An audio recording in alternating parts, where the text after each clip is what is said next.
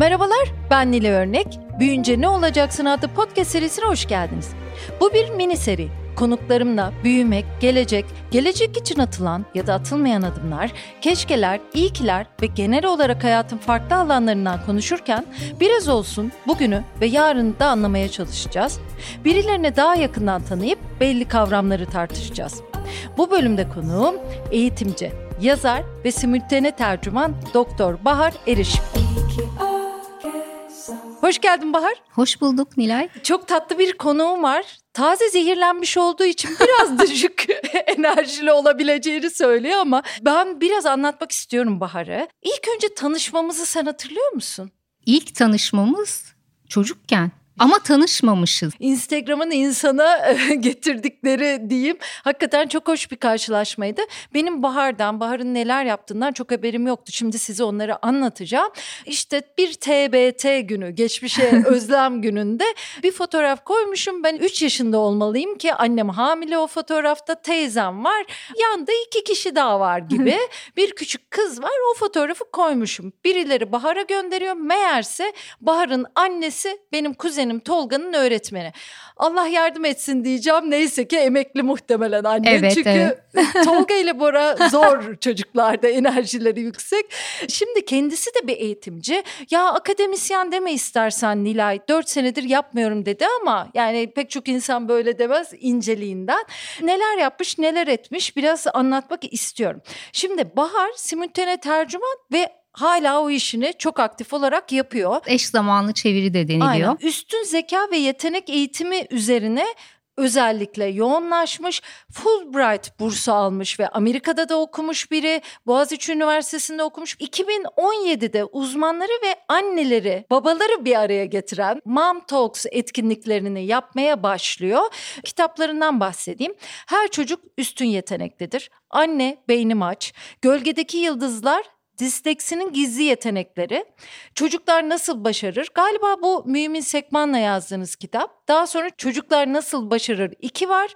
Korkmasaydın ne yapardın? Senin yolun hangisi? Hayatın ilk üç yılı.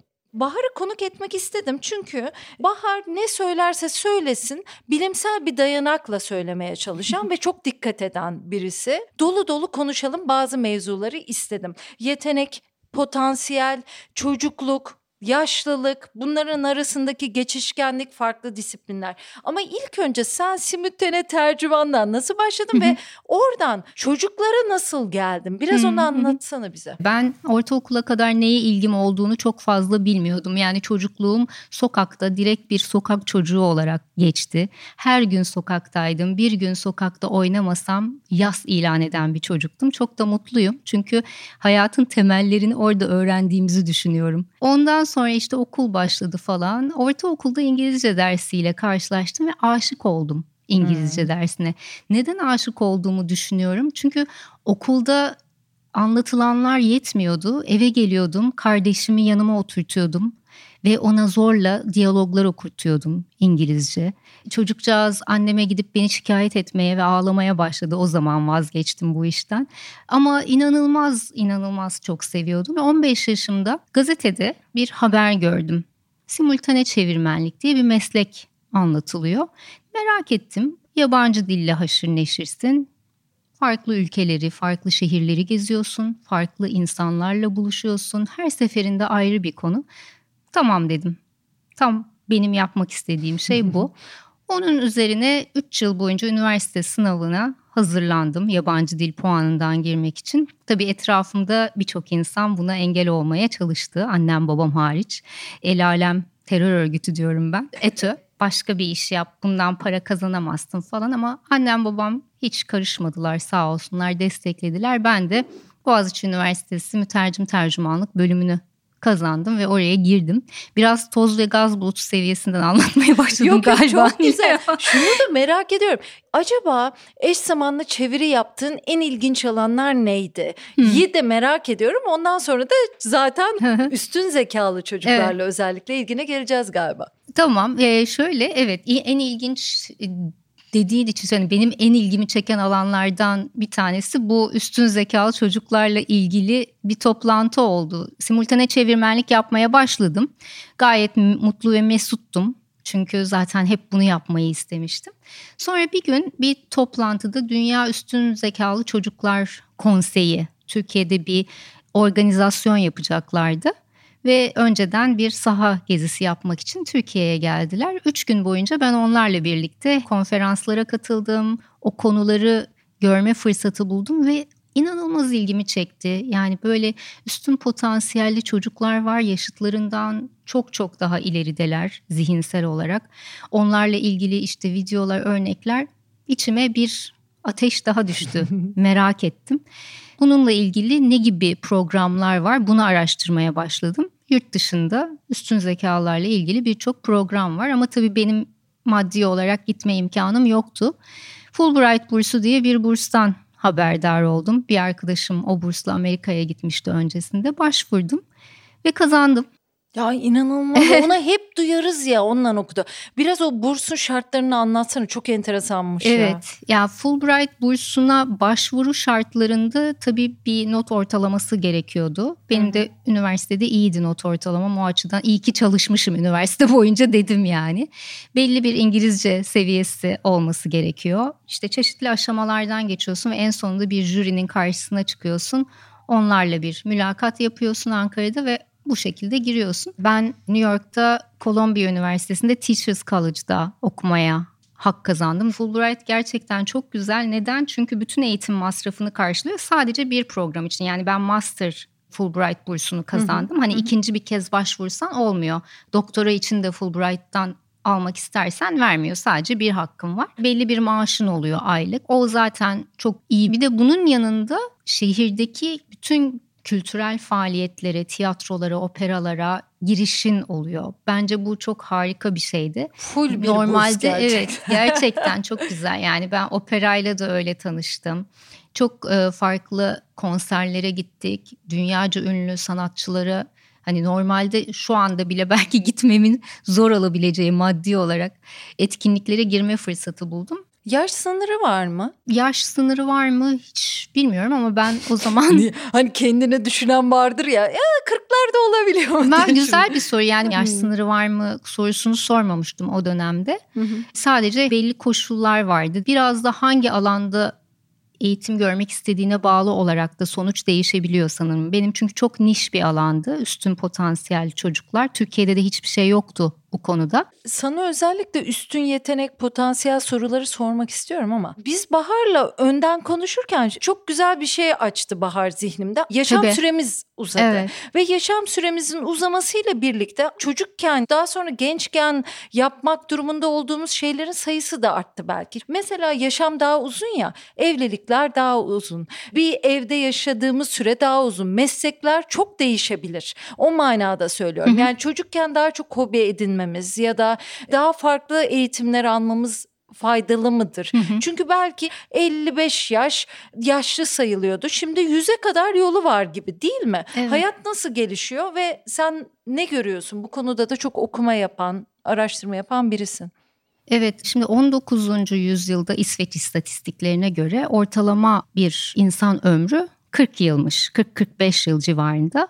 Bu şu anlama geliyor. Doğuyorsun, okula gidiyorsun, mezun oluyorsun. Hmm. işte bir meslek ediniyorsun, evleniyorsun ve ölüyorsun gibi bir şey. Tabii. Şimdi e, şu anda ömürler yaklaşık hani bunun iki katına çıkmış vaziyette ve Time dergisinde de kapak olmuştu bundan birkaç yıl önce bir bebek fotoğrafı vardı. Hani bugün doğan bir çocuk kaç yıl yaşayacak diye ve işte 100 ila 150 yıl arasında yaşamasını öngörüyor fütüristler. Yani dolayısıyla ömürler giderek uzuyor. Tabii bu senin de söylediğin gibi birçok geçişi de beraberinde getiriyor. Yani işte eskiden iki insan evlendiği zaman belki 1900'lerde ömür boyu birlikte olacağız dediği zaman bu çok samimi bir cümle olabilir. Yani gerçekten zaten ömürleri o kadar yetiyor. Hani 15 yıllık bir süreleri var zaten ama şimdi ömürler uzadıkça ilişkilerde de kopmalar oluyor bunun dışında mesleklerde de geçişler oluyor. Tabii kopmalar oluyor derken böyle olması insanlar şart değil ama tabii, insanlar tabii. değişiyor. O yüzden artık mesela şimdi mesleklerden çok yetkinliklerden söz ediliyor. Hı. Evet tam istediğim ee, yere geldik değil mi? Yetkinliklerden 21. yüzyıl yetkinliklerinden söz ediliyor. Bu çağda bir çocuğun ömrü boyunca en az 5 kez kariyer değiştirmesi ve belki 25-30 kez de iş değiştirmesi bekleniyor.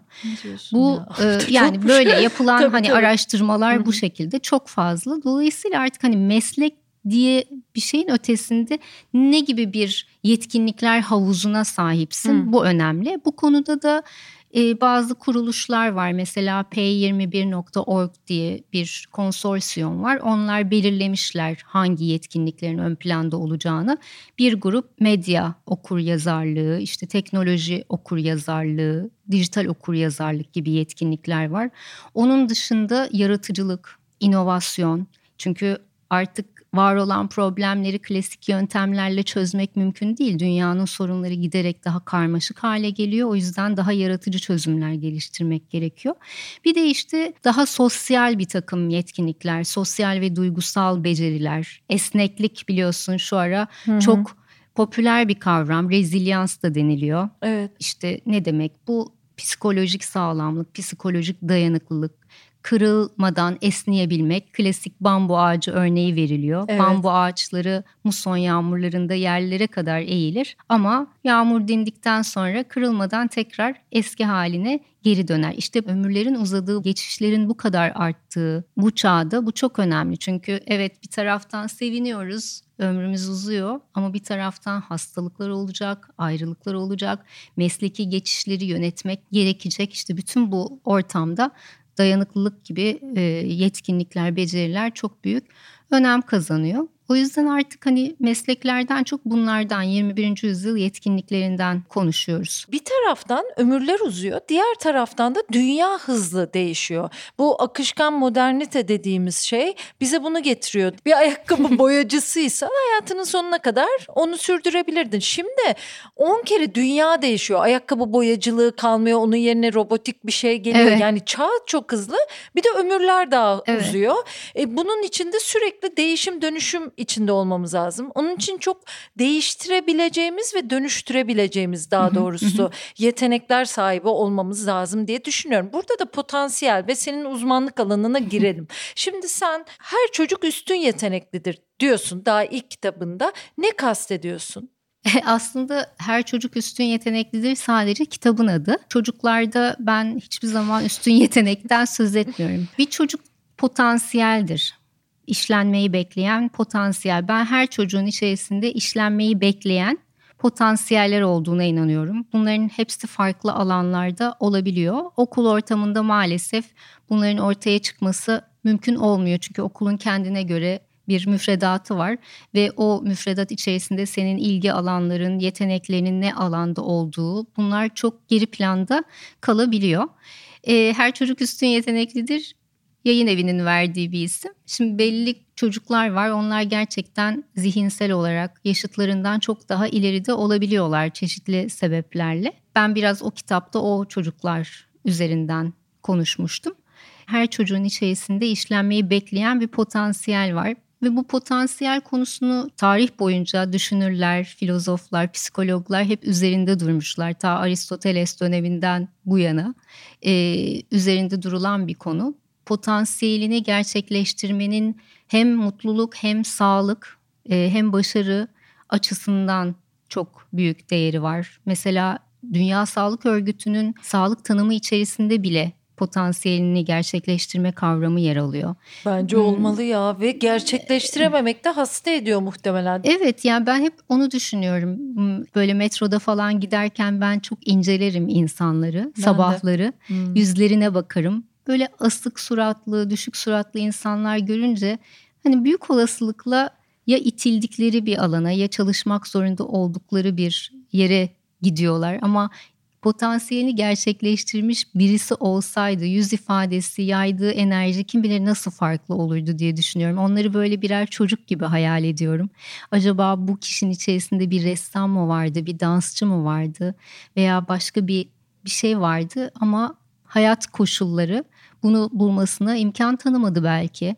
Belki ailesi önünde engel oldu. Çünkü bizim toplumumuz kolektivist bir kültür olduğumuz için çok da fazla insanlar kendi seçimlerini yapamayabiliyorlar. Hep bir yöne yönlendiriliyorlar ve bu da uzun vadede daha mutsuz, sağlıksız sonuçlara varabiliyor. Tabii. Türkiye'de zaten bir potansiyel israfı oluyor yani. Aile işte senin et ödediğin etraf ne der durumu. Evet. Kazanılan okullar, kazanılamayan okullar, yapılamayan, atılamayan adımlar. E, maddi durumlarda Tabii, önemli. tabii. Fiziki durumlarda önemli. İşte köydür, kasabadır, nerede yetiştin, nerede büyüdün, ulaşabiliyor musun bir potansiyelini gerçekleştirme imkanına? Değil Evet. mi? Ne çok zorluğu var aslında. Kesinlikle öyle yani içinde yaşadığın ekosistem çok önemli. Hı hı. Yani bu e, yetenek kavramını düşündüğümüz zaman çok boyutlu. İşin içerisinde hani genetik eğilimler var, kendi karakterin var.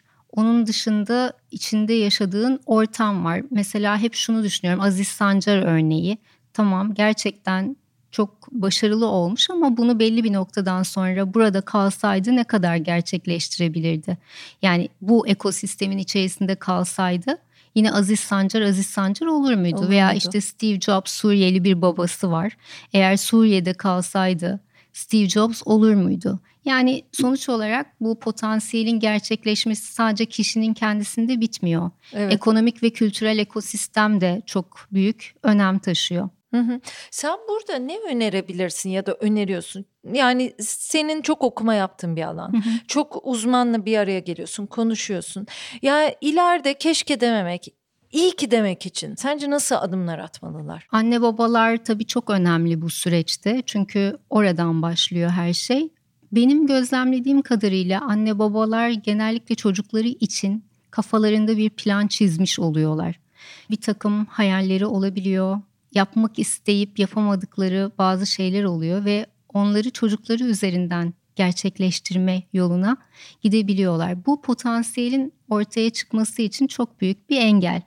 O yüzden benim hep söylediğim anne babaların çocuklarını objektif bir biçimde gözlemleyebilmeleri. Bu çok zor bir şey tabii ki ama hani kendi istekleri, hayalleri araya girmeden bu çocuk kim sorusunu sorabilmek. Yani bu çocuğun ne zaman gözleri parlıyor, ne zaman gerçekten bir şeyi yapmaktan keyif aldığını hissediyorsun. Ee, bir de tabii senin demin söylediğin şey de önemli. Erken yaşta böyle farklı farklı etkinliklerle bir araya gelmek, o çeşitlilik, Karşılaşma değil mi? karşılaşmalar, karşılaşmalar çok önemli. Hı hı. Ee, ve o karşılaşmalardan bazısı çok daha büyülü bir karşılaşma olabiliyor. Mesela Einstein'ın 5 yaşında mıknatısla karşılaşması gibi ne oluyor burada? Hmm. Ne oluyor ya demesi gibi veya işte Yaşar Kemal'in ilk kez bir çerçiden kağıt ve kalem alıp yazmaya başlaması gibi ben ona büyülü buluşma anları diyorum. Yani her şeyle karşılaşırsın ama o bir buluşma vardır ki daha öne çıkar. Yani Pelé'nin çorapları iç içe geçirip top yapıp onunla e, futbol oynaması gibi. Yani bir şekilde o potansiyel kendini bir yerlerden açığa çıkarıyor ama olabilmesi için de o buluşmaların gerçekleşmesi Hmm. gerekiyor. Yani hiç kalem kağıt almamış bir çocuğun resme olan yeteneğini bilemezsin veya işte müzikle ilgili bir potansiyeli var mı yok mu veya bir enstrümana yönelik bir eğilimi var mı yok mu? Bunu bulabilmek için bu buluşmaların meydana gelmesi gerekiyor. O da yani erken yaşta ne kadar çok olursa ne kadar erken vakitte keşfedersin o kadar iyi. Ama şimdi ömürler de uzadığı için hani bunun da illaki bir hani yeteneğe dönüşmesi de şart değil. Onu da söylüyorum. Yani insanın içerisinde bir potansiyel vardır. Çocuklukta ortaya çıkmamıştır. Ama belli bir yaştan sonra artık o hayatın zorlu dönemlerini aştıktan sonra içinden bir şey yapmak geliyorsa ve çocukken buna yapmaya fırsat bulamadıysan belli bir yaştan sonra da yapabilirsin. Ve belli bir yaştan sonra elde edilmiş başarıların da gerçekleşmiş potansiyelin de o kadar çok örneği var ki.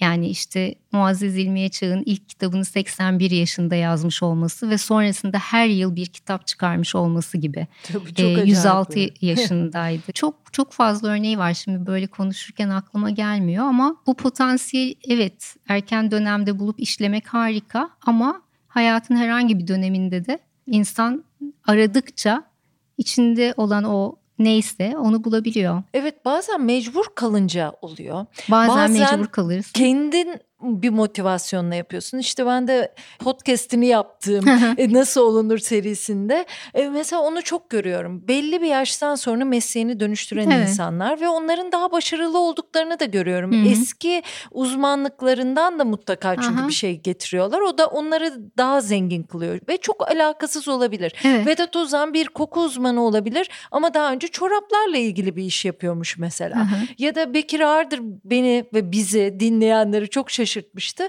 Yani neredeyse 50 yaşına kadar şirketlerde yöneticilik yapan bir insanken birden konda araştırmacılık bambaşka bir işe yöneliyor.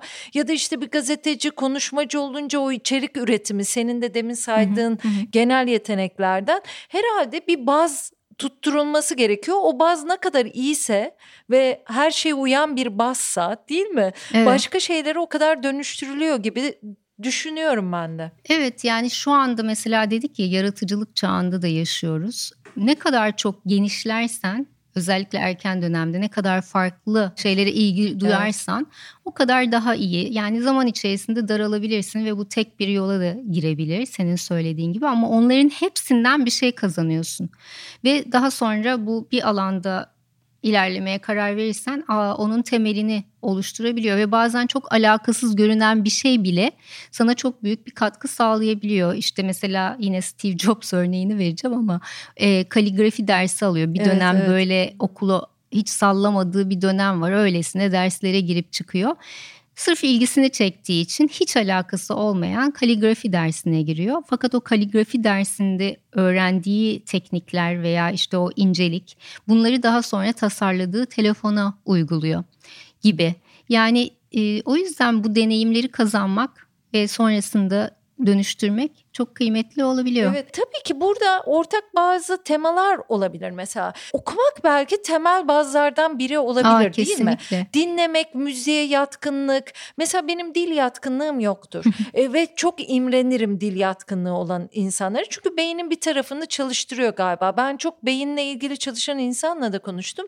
Onlar da mesela belli bir yaştan sonra inat ederek bile dil öğrenmenin ya da müziğin, müzik aleti çalmanın beyinde başka şeyleri gıdıkladığını söylüyorlar mesela. Klasik evet. müziğin etkili olduğunu söylüyorlar. Evet. Böyle şeyler görüyor musun mesela? Çok doğru bir şey. Yani müziğin, sanatın zaten hani çok olumlu etkisi var kesinlikle. İşte senin yaptığın iş mesela birini dinlerken aynı anda çevirisini yapman çok acayip bir beyin çalışma sistemi değil mi?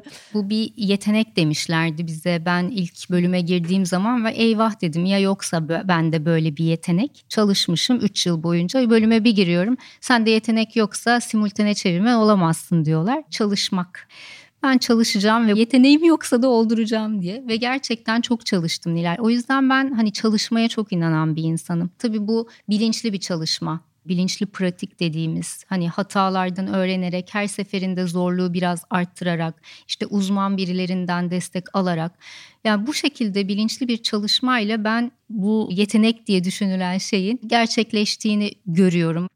Sanat ve müziğe gelince Nobel ödüllü bilim insanlarıyla yapılan bir çalışmada sanatla ve müzikle işte performans sanatlarıyla uğraşma oranlarını normal bilim insanlarına göre yanlış söylemek istemiyorum ama 8 kat daha fazla olduğu görülmüş. Yani bunların kesinlikle yaratıcı düşünceye olumlu etkileri var. Hı hı, Zaten hı. hani Nobel ödülü almak yaratıcılıkla bağlantılı bir şey, bir buluş ortaya koyuyorsun. Mesela işte Einstein'la ilgili de çok belki bilinmez. Einstein çok müzikle ve sanatla ilgili bir bilim insanı. Keman çalıyor. Mesela problemlerini çözerken belli bir yerde takıldığında durup keman molaları veriyor. Keman çalarak tekrar beyninin harekete geçtiğini görüyor. Yani beynin farklı bir bölümünü çalıştırıyor. Belki ailelere şunu söylemek lazım. Çocukları küçük yaştan itibaren mutlaka sanatla, müzikle, kitapla, doğayla bir araya getirmeleri çok büyük önem taşıyor. Doğayı çok güzel söyledin. Oysa ki doğayla ilişki de hem kendi bedeninle ilişki öğretiyor hem başka canlılarla ilişkiyi öğretiyor. Sadece canlılar insan değil. Türker Kılıç'la konuşmuştuk evet. biz. Sen de o söyleşiyi dinlediğini Dinledim. söylemiştin. Çok hakikaten değerli bir bilim insanı. O şöyle bir şey söylüyordu. Bizde eğitimde doğru yanıt verme üzerine bir şey yapılıyor. Doğru soru sorma aslında bir bilim insanı için çok daha gerekli ama bu yapılmıyor demiştin. Çok doğru. Mesela üstün potansiyel çocuklardan bahsettik ya benim doktora alanım en temel özelliklerden bir tanesi sürekli her şeyi sorgulamak. Hmm. Sürekli soru sormak ama işte sınıf ortamında bu itaatsizlik, saygısızlık, öğretmene karşı gelme gibi algılanabiliyor. Bu da çocuğun dışlanmasıyla sonuçlanabiliyor. Peki Türkiye'de üstün zekalı çocuklar nasıl bulunuyor? Belli okulları var mı? Karma sınıflarda mı okuyorlar? Hepsini birden lütfen. ee, birazcık tabii bunun anlaşılıp anlaşılmaması yine ailede başlıyor. Ailenin sosyokültürel seviyesiyle çok bağlantılı. Hani şöyle bir araştırma yapmıştım zamanında ailelerle. Bir grup daha sosyokültürel olarak yukarı seviyede diyeyim ailede çocuk soru sorunca üstün potansiyelli olarak algılanırken diğer ailede geri zekalı bu sürekli soru soruyor. Çok hmm, yaramaz. Çok illallah dedik. Yani o bakış açısı şimdi birisi benim çocuğum üstün potansiyelli diye araştırmaya giriyor. Ne kurumlar var, neler var, nereye gönderebilirim? Öbürü tarafta öyle bir Onu şey yok. Onu bastırmaya çalışıyor bastırmaya değil mi? çalışıyor. Ee, şimdi bu ailede anlaşılabilir. Bizde bilim sanat merkezleri var. Hani Türkiye çapında her ilde. Birinci sınıftan itibaren üstün potansiyelli olduğu düşünülen çocuklar bunların sınavlarına giriyorlar. Haftanın belli günlerinde eğer o sınavı geçerlerse kendi zihinsel yaşıtlarıyla birlikte okul sonrasında bir araya gelip daha küçük gruplar halinde çeşitli projeler ve aktiviteler yapıyorlar. Bilsemler var. Onun dışında işte Çamlıca'da bir okul var. Çok üstün potansiyelli olduğu hmm. düşünülen çocukların davet edildiği. Bazı özel okulların içerisinde sınıflar oluyor üstün potansiyelli çocuklara yönelik. Onun üstün dışında, zeka demiyoruz ona potansiyel Ben hep diyoruz. potansiyel diyorum. Evet. Çünkü yetenek veya zeka belli bir çaba, belli bir zaman geçtikten sonra olgunlaşan bir hmm, durum olduğu için çocuğa bakarken hep potansiyel çerçevesinden bakmak Hı-hı. lazım. Çünkü erkenden o yükleri, etiketleri çocukların omuzlarına yüklediğin zaman da zaman içerisinde bu olumsuz sonuçlanabiliyor etraf sürekli çocuğa üstün zekalısın fikrini verince çocuk nasılsa üstün zekalıyım benim bir şey yapmama gerek yok diye düşünebiliyor veya o yük altında hani çok şey yapmam lazım benim diyerek psikolojik bir baskı altına girebiliyor. Ben zaten çocuklara böyle bir şey söylenmesine taraftar değilim. Hani mümkünse üstün zekalısın sen vesaire demeyelim ama genel olarak da çocuklardan söz ederken potansiyel kelimesinin kullanılması Hı hı. Daha doğru. Bir de o kavramlar da değişiyor. Eskiden IQ yeterliydi. Aa üstün zekalı çocuk Hı-hı. deniyordu evet. belli sınavlar, testler. Sonra EQ çıktı. Evet. Duygusal zeka evet. da olmalı dendi. Hı-hı. Şimdi pek çok şey daha eklenecek değil mi? IQ artık yani yeterliliğini yitirmiş Yitirdi, vaziyette Hı-hı. ama tabii bu bir sektör. Değil mi sektör ya? Tabii evet. bunu bu, bu sektörün ayakta kalmasını isteyecek çok kişi var.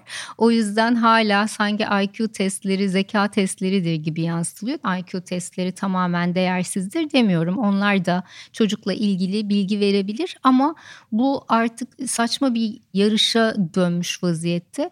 Bu zamanda artık IQ yeterli değil. Yaratıcılık çağında yaşıyoruz. IQ testleri yaratıcılığı ölçmez. Sosyal, duygusal becerileri ölçmez. Sadece zihinsel kapasiteyi ölçer ama zihinsel kapasitenden çok o kapasitenle ne yaptığın önemli. Yani neyi bildiğinden çok ne yapabildiğin önemli. Hı hı. Şöyle bir şey de oluyor. Şimdi erkenden bu çocukları sınava sokuyorlar. O IQ testinden aldığın puan o kadar çok şeyle ilgili ki yani orada senin testi yapan kişiyle kurduğun ilişki bile düşük puan almana yol açabilir. Veya yolda gelirken miden ağrımıştır ve düşük performans gösterebilirsin. Düşük puan alan çocuğu yani bunda artık bir şey yok gibi kenara atıyorlar e, bu buralarda sıkıntı var.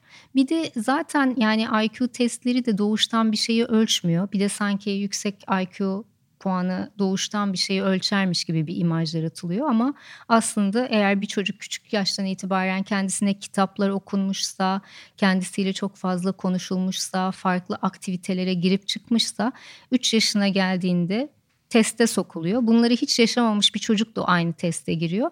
İkisi birbiriyle kıyaslanıyor. Ha, bunun zekası düşük, bunun zekası hmm. yüksek deniliyor. O, o çocuk da o koşullarda olsaydı büyük olasılıkla onun da puanı daha yüksek çıkardı gibi şeyler. Benzer bir dönemden geçtiğimi sen konuşurken hatırlıyorum.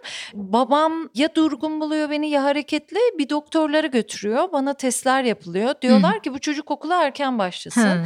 6 yaşında özel açılmış bir sınıfa başlıyorum. Hep çevremizde işte daha erken başlamış ama böyle yetenekli, akıllı bulunmuş insanlar var. Ben kendimi küçükken herhalde bunları duyuyorum. Süper akıllı falan zannediyorum yani ilkokulda. Hani süper zekiyim falan zannediyorum. Ne konuşuluyorsa falan. Hmm. Sonra Mehmet diye sınıfımızda biri var. Çok zeki bir çocuk ve öğretmen diyor ki sürekli Mehmet hiç çalışmadan da süper mesela. Hmm. Ee, çok övülüyor. Ben de çok çalışıyorum ama iyiyim ve çalıştığımı saklamaya başladım hmm. hatırlıyorum mesela. Bak Aa, senin işte. söylediklerinde ne kadar paralel. Yani evet. gizli gizli neredeyse çalışıyorum. Çünkü çalışmadan anlamam mümkün değil benim ama Mehmet anlayabiliyorsa ben de anlayabilmeliyim. Çünkü ben de o tesislerden geçtim çok falan iyi. diye düşündüğümü çocukken hatırlıyorum. Hakikaten uzun sürede kendime böyle süper zeki falan Ama öylesin Nilay yani yanlış bir sanı değilmiş. Ya.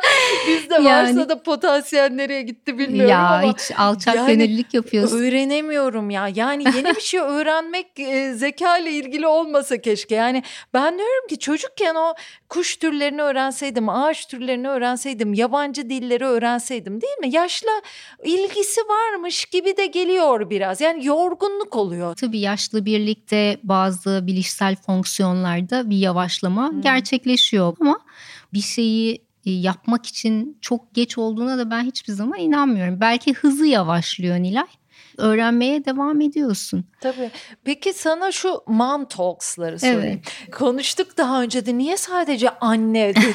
ya işte 2017'de kurarken Demez dedin. olaydı. Ee, evet. Aslında en başından beri ebeveynler diyorduk ama ben bir yanlışlık yaparak sadece mom talks ismini verdim. Sonra da çok pişman oldum ama marka ismi alınca da öyle kolay kolay değiştiremiyorsun. Onun bir sürü ayrıntısı var. Sosyal medyada çok fazla anne hesabı var ve genellikle bu anne hesapları çocuklara dair bilgiler verirken kendi çocukları üzerinden bilgiler verip bunu herkes için genel geçer bir bilgi olarak hı hı. yansıtıyorlar veya yansıtmasalar bile öyle algılanma ihtimali çok yüksek. Şöyle bir şey düşündüm. Ya neden hiç anne babalarla uzmanları bir araya getiren böyle bir zirve yok? Öyle bir fikir geldi. İşte Doğan Cüceloğlu vardı, Yankı Yazgan vesaire böyle bir ebeveyn zirvesi gerçekleştirdik. 6. yılına ulaştı. Anne babalarla eğitimcileri bir araya getirelim diye. Gelecek anneden başlar diye de bir slogan bulmuşuz. O da yanlış. Şimdi gelecek aileden başlar dedik. Tabii ki hem anneler hem babalar hem bakım verenler, anneanneler, babaanneler, dedeler yani aslında eğitimle ilgilenen, çocukla ilgilenen herkesin faydalanabileceği bir etkinlik olmasını amaçladık öğretmenleri, eğitimciler. Çok da ilgi gördü. Peki büyüyünce ne olacaksın? Neler var şimdi gelecekte? Ya ben şöyle bir şey söyleyeyim. Hani hep merakının peşinden giden bir insan oldum. Böyle mesleklerle falan olan ilişkim biraz hani Lou Salome'nin erkeklerle olan ilişkisi gibi. Lou Salome Hani belki dinleyenler bilmiyordur bir filozof. Aynı anda hem Nietzsche hem Nietzsche'nin filozof arkadaşı Paul Re ona aşık oluyorlar. İkisi de evlenmek istiyor. O da diyor ki ne gerek var evlenmeye hep birlikte mutlu mesut yaşayalım işte. İşte benim e, mesleklerle olan ilişkim de yani niye bir tanesine odaklanmam gerekiyor ki işte hep birlikte mutlu mesut yaşayalım. Onu da yapayım onu da yapayım. Tabii bunun dezavantajı ne? Hani birine çok fazla yoğunlaşmıyorsun ama ben böyle mutlu oluyorum. Yani hepsini de yapmak beni tatmin ediyor. Ama geçişken alanlar aslında. Tabii birbiriyle yani... de bağlantısı yok değil. Ama mesela şu an roman yazıyorum. Aa, Çok alakasız bir şey. Bu tarz şeyler yaparken de yine Eto diyor ki sen kendini topuğundan vuruyorsun. Tam eğitim alanında yükselecekken roman yazmak neyine? Mesela disleksi kitabında da öyle oldu. Disleksi de Türkiye'de çok bilinen bir konu değil ve düşük bir popülasyon. Ama disleksi bir öğrenme farklılığı diyeyim. Ve o çocuklar hep güçlükler üzerinden anlatılıyor. Hı hı. Ve ben dedim ki ya bu çocukların bir sürü yetenekleri var çok iyi yapabildikleri şeyler var. O yüzden disleksinin yetenek tarafıyla ilgili bir kitap yazmak istedim ki bilinsin. Çünkü umutsuzluğa sürükleniyor pırıl pırıl çocuklar işte. Evet en az satan kitabım. Hiç önemli değil. Öyle güzel telefonlar, mesajlar geliyor ki hayatımı da kurgularken ne yapmak istiyorum etrafında hep düşünüyorum. Ben bu hayatta ne yapmaktan hoşlanıyorum? Kitap okumaktan hoşlanıyorum. Kitap yazmayı çok seviyorum. Ama daha iyi bir yazar olmayı çok istiyorum. Bunun için çok çalışıyorum. Sana da söyledim. Bazen geriye dönüp okuduğumda ya bu cümleyi ben mi kurmuşum? Iı, dediğim çok oluyor. Ama zaten insan herhalde böyle böyle gelişiyor. Çünkü ben biraz geç başladım yazmaya. Ee, o yüzden zaman içerisinde daha iyi bir e, yazar olmayı ümit ediyorum. Öyle söyleyeyim. Büyüyünce zengin olmak isterim. Ne anlamda? Çok iyi. Zengin ama ne anlamda zengin onu söyleyeyim. Materyalist bir şey söylemek Tahmin istemedim. ediyorum da. Ee, Beklemiyordum yani evet Bahar bu cevap. Ya çok zengin olmak istiyorum Nilay. istiyoruz o Parayı bulmak istiyorum. öyle öyle bitirirmişiz bu şeyi. Yani şöyle yani hem dostlar açısından çok Evet, zengin olmak şey isterim. söyledin.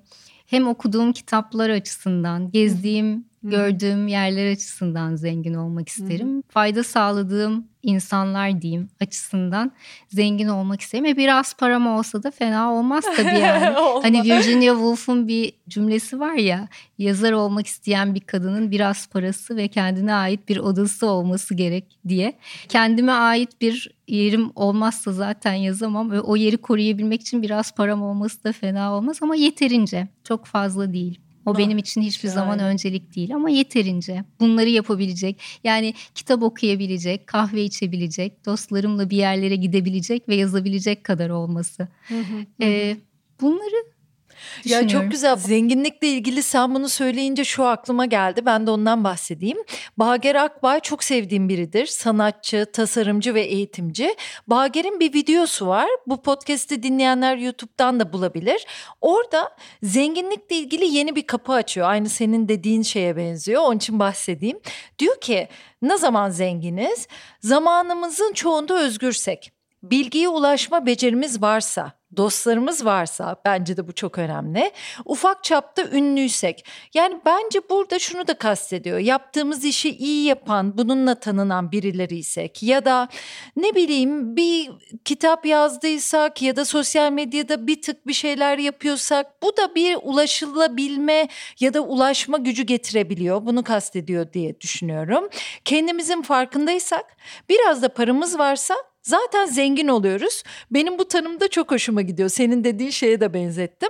Çok sağ ol Bahar. İyi ki katıldın. Ben teşekkür ediyorum Nilay. Taze zehirlenmiş halimle beni konuk ettiğin için. İyi ki geldin. Agesa Hayat ve Emekliliğin sunduğu Büyünce Ne Olacaksın adlı podcast'i dinlemiş olanlara böyle de zenginlikler, keyifli muhabbetler dileyelim. İnşallah.